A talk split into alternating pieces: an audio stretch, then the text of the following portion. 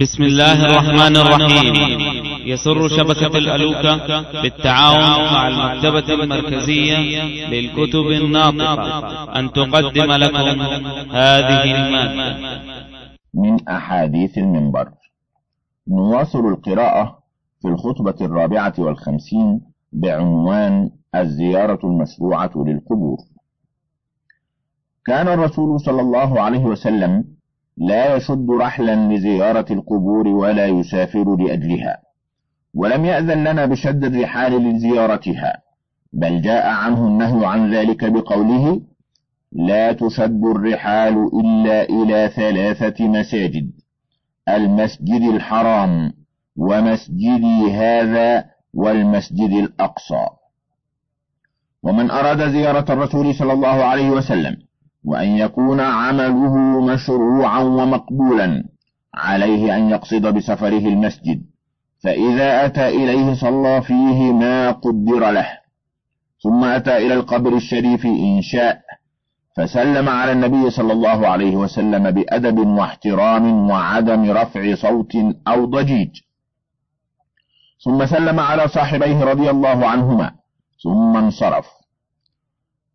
ولم يعين لزيارة القبور ولا لأحد المساجد الثلاثة يوما معلوما أو شهرا معلوما. بل شرع لنا الرسول صلى الله عليه وسلم زيارتها في أي وقت تيسر لنا ذلك. فهذا هدي الرسول صلى الله عليه وسلم وهذه سنته في زيارة القبور. ولكن لكثرة الجهل والإعراض عما جاء به المصطفى صلى الله عليه وسلم ضل بعض الناس فجعلوا زيارة القبور استغاثة بالصالحين وتوسلا بهم. ولم يميزوا بين ما شرعه لأمته وبين ما نهى عنه. والله تعالى قد أوجب علينا طاعة الرسول صلى الله عليه وسلم والاقتداء به. وهو صلى الله عليه وسلم قد أرشدنا بقوله وفعله وبين لنا الحكمة في ذلك. فلتكن زيارتنا واعظة ومذكرة. ولندعو لإخواننا المسلمين بالمغفرة والرحمة.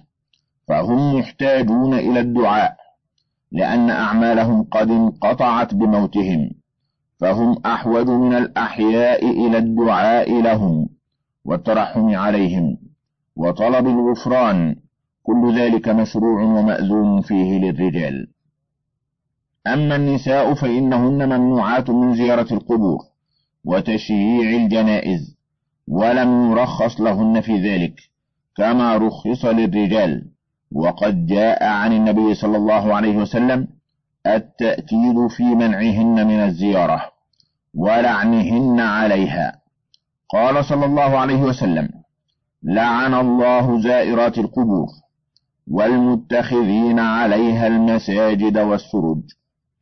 لا يستثنى من ذلك قبر الرسول صلى الله عليه وسلم لعموم النهي فمنعهن متحتم لجزعهن وقلة صبرهن وخوف الفتنة عليهن فإنهن إلى الجزع أقرب وهن أضعف من الرجال. في الحديث عنه صلى الله عليه وسلم أنه قال لنسوة رآهن ذاهبات إلى المقابر. ارجعن مأزورات غير مأجورات فإن كن تفتن الحي وتؤذين الميت. وقال لابنته فاطمة رضي الله عنها إنك لو بلغت معهم الكدى أي المقبرة لم تدخل الجنة. أو كما قال فاتقوا الله عباد الله واهتدوا بهدي الرسول صلى الله عليه وسلم وأطيعوا الله والرسول لعلكم ترحمون. بارك الله لي ولكم في القرآن الكريم. الخطبة الخامسة والخمسون. النهي عن تتبع الآثار ووجوب الاقتصار على ما ورد. الحمد لله على نعمه ومن أجلها نعمة الإسلام. فقد هدانا إليه وما كنا لنهتدي لولا أن هدانا الله. أحمده وأشكره وأسأله المزيد من فضله وأشهد أن لا إله إلا الله وحده لا شريك له وأشهد أن نبينا محمدا عبده ورسوله. دعا إلى توحيد الله وإخلاص العمل. اللهم صل على عبدك ورسولك محمد وعلى آله وأصحابه وسلم تسليما كثيرا. أما بعد فيا عباد الله اتقوا ربكم واشكروه على نعمه. وقد أسلمتم لله ربكم وأجبتم الداعي. أكملتم مناسك حجكم تقبل الله منكم. وجعله حجا مبرورا. وعملا صالحا مقبولا لا شرك فيه ولا رياء ولا رفث ولا فسوق. والأعمال لا تكون نافعة ولا مقبولة إلا إذا كانت خالصة لله وحده وعلى سنة رسوله محمد صلى الله عليه وسلم الصحيحة. أسأل الله لجميع المسلمين الهداية والتوفيق وأن نكون قد أدينا هذا الركن من إسلامنا على الوجه الصحيح الأكمل الذي يرضى عنه ربنا. فالإخلاص في الأعمال أصل الدين. وما أمروا إلا ليعبدوا الله مخلصين له الدين. عباد الله لبينا في حجنا لله وحده واتجهنا إليه بقلوبنا فحرام علينا أن نتوجه إلى غيره كائنا من كان بدعاء أو استعانة. طفنا ببيت الله العتيق امتثالا لأمره حيث يقول وليطوفوا بالبيت العتيق. فحرام علينا أن نطوف بغير هذا البيت أو نتبرك ونتمسح فلا طواف في الإسلام بقبور ولا أحجار ولا مقامات ولا تبرك بها فالبركة من الله وحده والأمر له. ولم يأمر الله ولا رسوله صلى الله عليه وسلم بالطواف إلا بهذا البيت العتيق لله وحده. وواقع بعض الناس والمشاهد من أحوالهم هو الاتجاه إلى أماكن من أضرحة وأحجار وجمادات وأشخاص يعظمونها وقد يطوفون حولها يطلبون منها العون والمدد والبركة. وواقع هذه الأفعال هو الشرك بالله وقد حرمه الله ونهى عنه وأخبر أنه لا يغفره. وسبب وقوع ذلك هو الجهل بهذا الدين وبالتوحيد وترك بعض العلماء ما أوجب الله عليهم من بيان الحق والإرشاد إليه والتحذير من الشرك ووسائله. لو قام الجميع بواجبهم لصلحوا وأصلحوا عباد الله وردوهم إلى الفطرة وإلى توحيد ربهم. وقد نحرنا هدينا لله وحده في حجنا تقربا لله وامتثالا لأمره حيث قال الله تعالى لنبيه ورسوله صلى الله عليه وسلم قل إن صلاتي ونسكي ومحياي ومماتي لله رب العالمين لا شريك له. فحرام علينا أن ننحر لغير الله أو نتقرب إلى غيره. فالدعاء والنذر والذبح والاستغاثة والطواف وجميع أنواع العبادات حق لله وحده. لا يجوز أن يشرك معه فيها أحد. وصرف العبادات أو بعضها لغير الله شرك بالله والشرك أعظم الذنوب وأقبحها. إن الشرك لظلم عظيم والأعمال مع الشرك بالله باطلة لا تنفع صاحبها. قال الله تعالى وقدمنا إلى ما عملوا من عمل فجعلناه هباء منثورا. إن الله لا يغفر أن يشرك به ويغفر ما دون ذلك لمن يشاء. فاتقوا الله عباد الله وكونوا على بصيرة من دينكم وفي توحيد ربكم واعملوا صالحا والله ينهانا عن الإشراك به والابتعاد عما يبطل العمل ويفسده. وقد أمرنا بسد ذرائع الشرك والسبل الموصلة إليه ونهينا عن تتبع آثار الأنبياء والصالحين. وعن تحري الدعاء عندها وعند القبور أو الصلاة لله فيها وحولها. والخليفة الراشد أمير المؤمنين عمر بن الخطاب رضي الله عنه أمر بقطع شجرة الرضوان التي بايع رسول الله صلى الله عليه وسلم أصحابه تحتها. لما رأى أناسا يذهبون إليها يصلون عندها. نهاهم عن ذلك. وأزالها حماية منه للتوحيد وسدا لذرائع الشرك ووسائله. فلا يجوز في الإسلام إحياء الآثار والبناء عليها ولا على القبور. مساجد ولا غير مساجد. كالقباب والحيطان ولا السطور والكساء ولا ترميمها لأن كل ذلك وسيلة من وسائل الشرك ومن البدع المحرمة.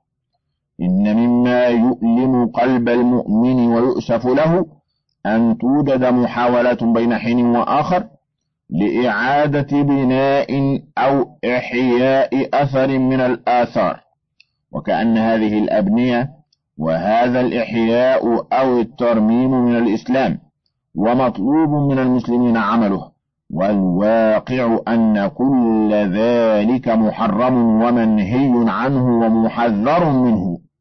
والشرك الأكبر لم يحدث إلا بعد أن أحدثت ذرائعه ووسائله. اللهم أرنا الحق حقا وارزقنا اتباعه. ولا تجعله ملتبسا علينا. فنضل. وواجب علماء الإسلام وأئمته إرشاد الناس وتبصيرهم في الإسلام. وإزالة الشرك وآثاره ووسائله.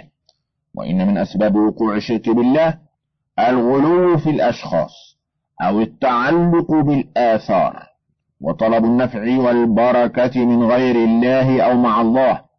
فواجب العلماء والأئمة صرف عباد الله إلى عبادة الله وحده وتوجيههم إلى أماكن عبادة الله وحده. والتي لا أثر للتعلق على غير الله فيها كما فعله أمير المؤمنين عمر بن الخطاب وفعله ويفعله أئمة الإسلام وعلماء الدين الداعون إلى الإسلام وإلى تطبيقه والعمل به. الخطبة السادسة والخمسون. الحث على زيارة مسجد الرسول عليه السلام. الحمد لله فاطر السماوات والأرض. أحمده سبحانه وهو للحمد أهل. وأشكره وهو على كل شيء قدير. وأشهد أن لا إله إلا الله وحده لا شريك له. وأشهد أن نبينا محمدا عبده ورسوله. أرسله الله بالحق بشيرا ونذيرا. اللهم صل على عبدك ورسولك محمد وعلى آله وأصحابه وسلم تسليما كثيرا. أما بعد فالكثير من الحجاج يرغبون في السفر إلى المدينة لزيارة مسجد الرسول صلى الله عليه وسلم بها. وقد جاء عنه صلى الله عليه وسلم في الترغيب في ذلك قوله صلى الله عليه وسلم صلاة في مسجدي هذا خير من ألف صلاة فيما سواه. إلا المسجد الحرام. فزيارة المسجد النبوي للصلاة فيه مستحبة ومرغب فيها. فالقصد من الزيارة وشد الرحال إلى المدينة هو المسجد النبوي. أما القبر الشريف فلا يجوز قصده وحده بسفر ولا شد الرحل إليه لأن الرسول صلى الله عليه وسلم قد نهانا عن ذلك. كما نهانا أن نتخذ قبره عيدا نعتاد زيارته في أوقات معينة. قال صلى الله عليه وسلم لا تشد الرحال إلا إلى ثلاثة مساجد المسجد الحرام ومسجدي هذا والمسجد الأقصى. وجاء عن علي بن الحسين رضي الله عنه أنه رأى رجلا يجيء إلى فرجة كانت عند قبر النبي صلى الله عليه وسلم فيدخل فيها فيدعو فنهاه. وقال ألا أحدثكم حديثا عن أبي عن جدي عن رسول الله صلى الله عليه وسلم أنه قال لا تتخذوا قبري عيدا ولا بيوتكم قبورا وصلوا علي. فإن صلاتكم تبلغني حيث كنتم. فالرسول صلى الله عليه وسلم نهانا بهذا الحديث أن نجعل قبره عيدا نعتاده في وقت معين كرجب مثلا. وقد خص الله نبيه من دون الناس بأن صلاة المصلي عليه وسلامه يبلغه ولو لم يكن المسلم عند قبره أو في المدينة. قال صلى الله عليه وسلم وصلوا علي فإن صلاتكم تبلغني حيث كنتم. فالزيارة إذا ليست واجبة وليست من لوازم الحج كما يظنه البعض من الناس. وقد شاع بين العوام أحاديث في زيارة قبر الرسول صلى الله عليه وسلم حتى ظنوها أحاديث صحيحة. فهم لذلك يتكبدون المشاق في الزيارة ويظنون أن زيارة المدينة من تمام الحج. فمن الأحاديث الشائعة المكذوبة على رسول الله صلى الله عليه وسلم من زارني بعد موتي فكأنما زارني في حياتي. من زار قبري وجبت له شفاعتي. من حج ولم يزرني فقد جفاني. وأمثالها لم تصح عن رسول الله صلى الله عليه وسلم ولم تثبت وأهل العلم عدوها من الموضوعات المختلقة. فعلى من أراد الزيارة أن يقصد المسجد النبوي بزيارته ثم يصلي فيه ما تيسر ثم يسلم على النبي صلى الله عليه وسلم إن أراد وبأدب واحترام. وعدم رفع الصوت. فإن رفع الصوت بالسلام والضجيج ليس من الأدب المطلوب عند رسول الله صلى الله عليه وسلم. ثم يسلم على صاحبيه أبي بكر وعمر رضي الله عنهما. ثم ينصرف ولا يستقبل القبر عند الدعاء. ومن لم تتيسر له الزيارة فلا حرج عليه. وحجه تام. وقد أدى ما عليه. إذ لم يوجب الله ولا رسوله إلا حج بيته الحرام. ومن أتى المدينة وصلى في مسجد رسول الله صلى الله عليه وسلم استحب له أن يصلي في مسجد قباء ويزور قبور أهل البقيع واحدا واحدا. ولا يشرع ولا يشرع تتبع المساجد التي هناك. رأى عمر بن الخطاب رضي الله عنه أناسا يذهبون إلى مكان فقال أين يذهب هؤلاء؟ قالوا إلى مكان صار فيه رسول الله صلى الله عليه وسلم. فقال منكرا فعلهم ومكان صلى فيه رسول الله صلى الله عليه وسلم؟ أتريدون أن تتخذوا آثار أنبيائكم مساجد؟ إنما هلك من كان قبلكم بهذا. وفقني الله وإياكم للأعمال الصالحة وجعل أعمالنا مقبولة نافعة. أقول قولي هذا وأستغفر الله العظيم لي ولكم ولسائر المسلمين من كل ذنب فاستغفروه إنه هو الغفور الرحيم. الخطبة السابعة والخمسون. إتمام الدين وإكمال النعمة. خطبة يوم عرفة في التاسع من الشهر الثاني عشر من العام الرابع والتسعين الهجري. الحمد لله رب العالمين الرحمن الرحيم مالك يوم الدين. إياك نعبد وإياك نستعين. لك الحمد كله ولك الشكر والثناء الحسن. لا نحصي ثناء عليك. أنت كما أثنيت على نفسك. لك وحدك دعاؤنا وتحياتنا. لك وحدك عبادتنا وحجنا لا شريك لك.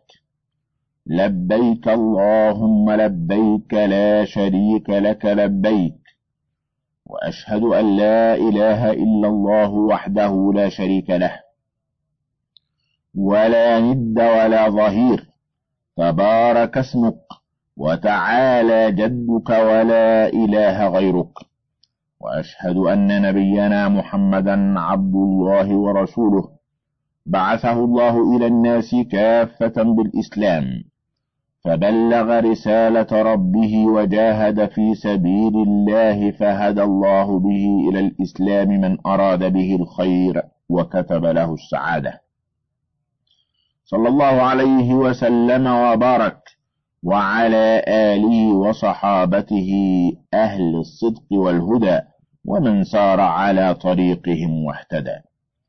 أما بعد فيقول الله تبارك وتعالى اليوم أكملت لكم دينكم وأتممت عليكم نعمتي ورضيت لكم الإسلام دينا.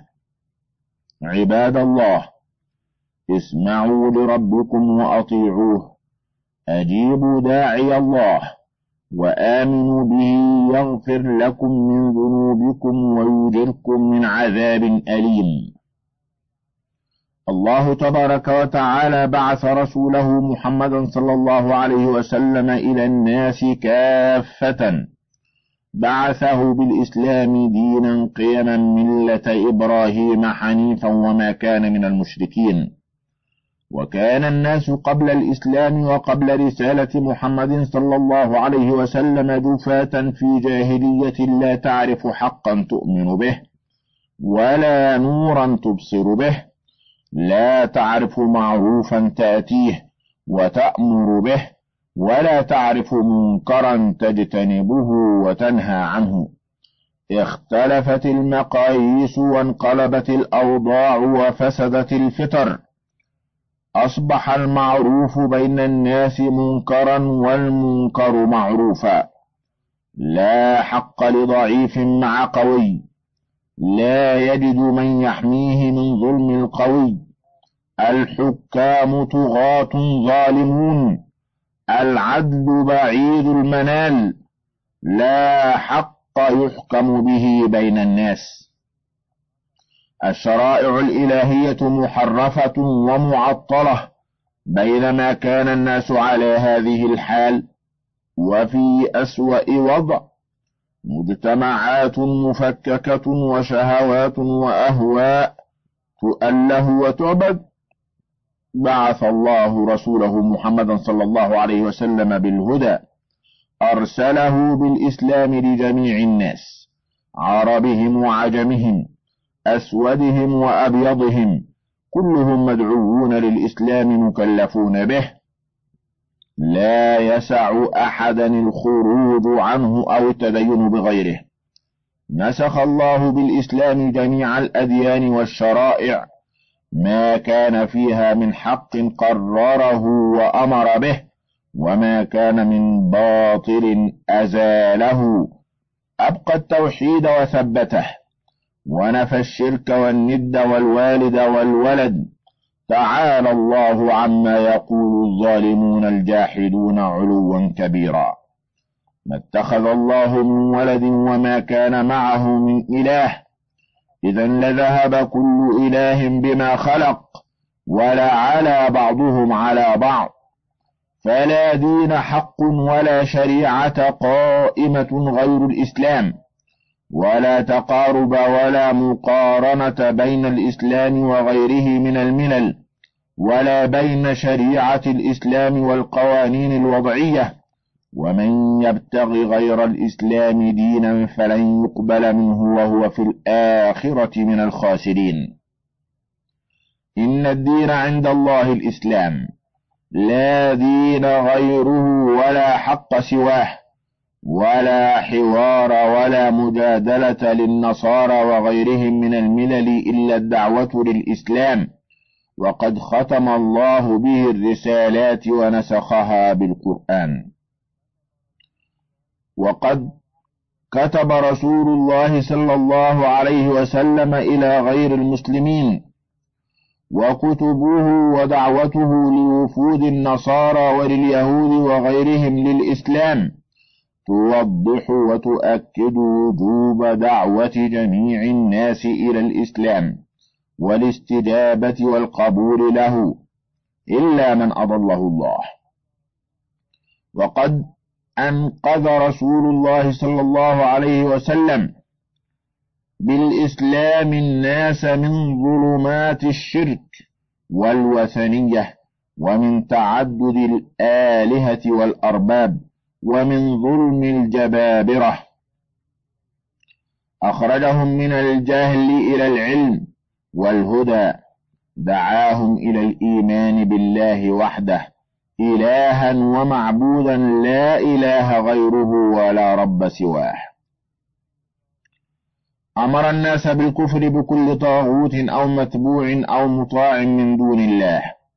وقد امتثل رسول الله صلى الله عليه وسلم أمر ربه وبلغ الرسالة كما أمر. أمضى عدة سنوات من عمره المبارك ومن زمن الرسالة في الدعوة إلى توحيد الله في عبادته وطاعته وترك الشرك بالله في العبادة بأنواعها حتى ثبت قواعد التوحيد ومكن للدين في القلوب وامتزج الإسلام بالدماء واطمأنت إليه النفوس أزال الوثنية والطاغوتية. فثبت الإيمان وطهرت القلوب وزكت النفوس وعاد من أراد الله له الحياة الطيبة إلى فطرة الله وصاروا بالإسلام هداة وقادة في الخير دعاة إلى الإسلام الصحيح حنفاء لله غير مشركين به. عباد الله لا حياة طيبة ولا أمن ولا سعادة إلا بالإسلام والعمل به بالعمل بكتاب الله وسنة رسوله صلى الله عليه وسلم الثابتة. يأخذ المسلم دين الله من منابعه الصافية النقية. تاركا ما أدخل في الإسلام بجهل أو كيد لهذا الدين وأهله حيث قدر صفوه وطمست معالم الحق فيه ولن يصح إسلام إلا بفهمه والعمل به وتحكيمه في كل شيء. والمسلمون حقا محتاجون إلى وحدة القلوب والصفوف. فقد ابتعد الكثير عن الإسلام ومجده الخالد. والله أمر عباده المؤمنين بدينه وشرعه بالاعتصام بالإسلام والاجتماع على الحق والهدى. ونهاهم عن التفرق والاختلاف في الدين. ورسول الإسلام محمد صلى الله عليه وسلم دعا إلى عبادة الله وإخلاص العمل والطاعة لله ولرسوله. ونهى وحذر عن الإشراك بالله وعبادة الأهواء. حذر من الضلال والإلحاد والفساد. قبل ذلك من طهر قلبه وزكت نفسه فعز المسلمون بدينهم وانتصروا بإيمانهم. ومكن الله لهم في الأرض وأعزهم بعد أن هداهم للإيمان. منحهم القوة وأمدهم بالتوفيق. فتح الله لهم ولإسلامهم القلوب والدنيا أمما وممالك.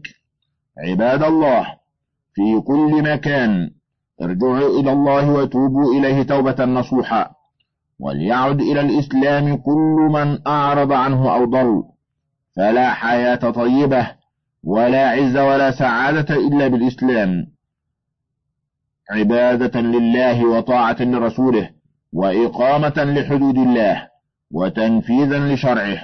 فالإسلام شريعة عامة متكاملة وخالدة. ورسول الله محمد صلى الله عليه وسلم خاتم الرسل لا نبي بعده ولا دين غير الإسلام. ومن يبتغ غير الإسلام دينا فلن يقبل منه. متى تم هذا الإيمان والتصديق والعمل؟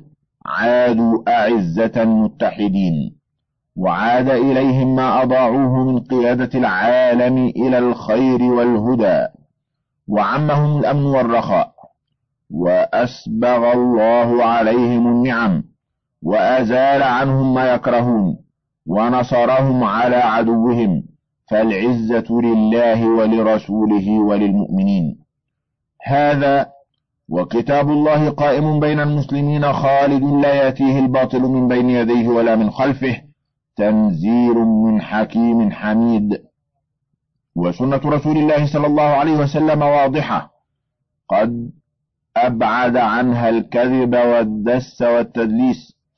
والإسلام واضح لمن هداه الله ووفقه لا يلتبس عليه كيد كائد ولا فساد مفسد حاقد أو ملحد جائر فأعداء الإسلام كثيرون والحاقدون عليه وعلى أبنائه المشككون فيه نشيطون.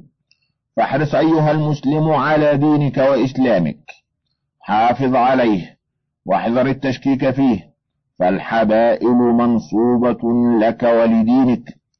دعاة السوء وأعداء ملتك يسعون لفتنتك والشيطان يدعو حزبه ليكونوا من أصحاب السعير.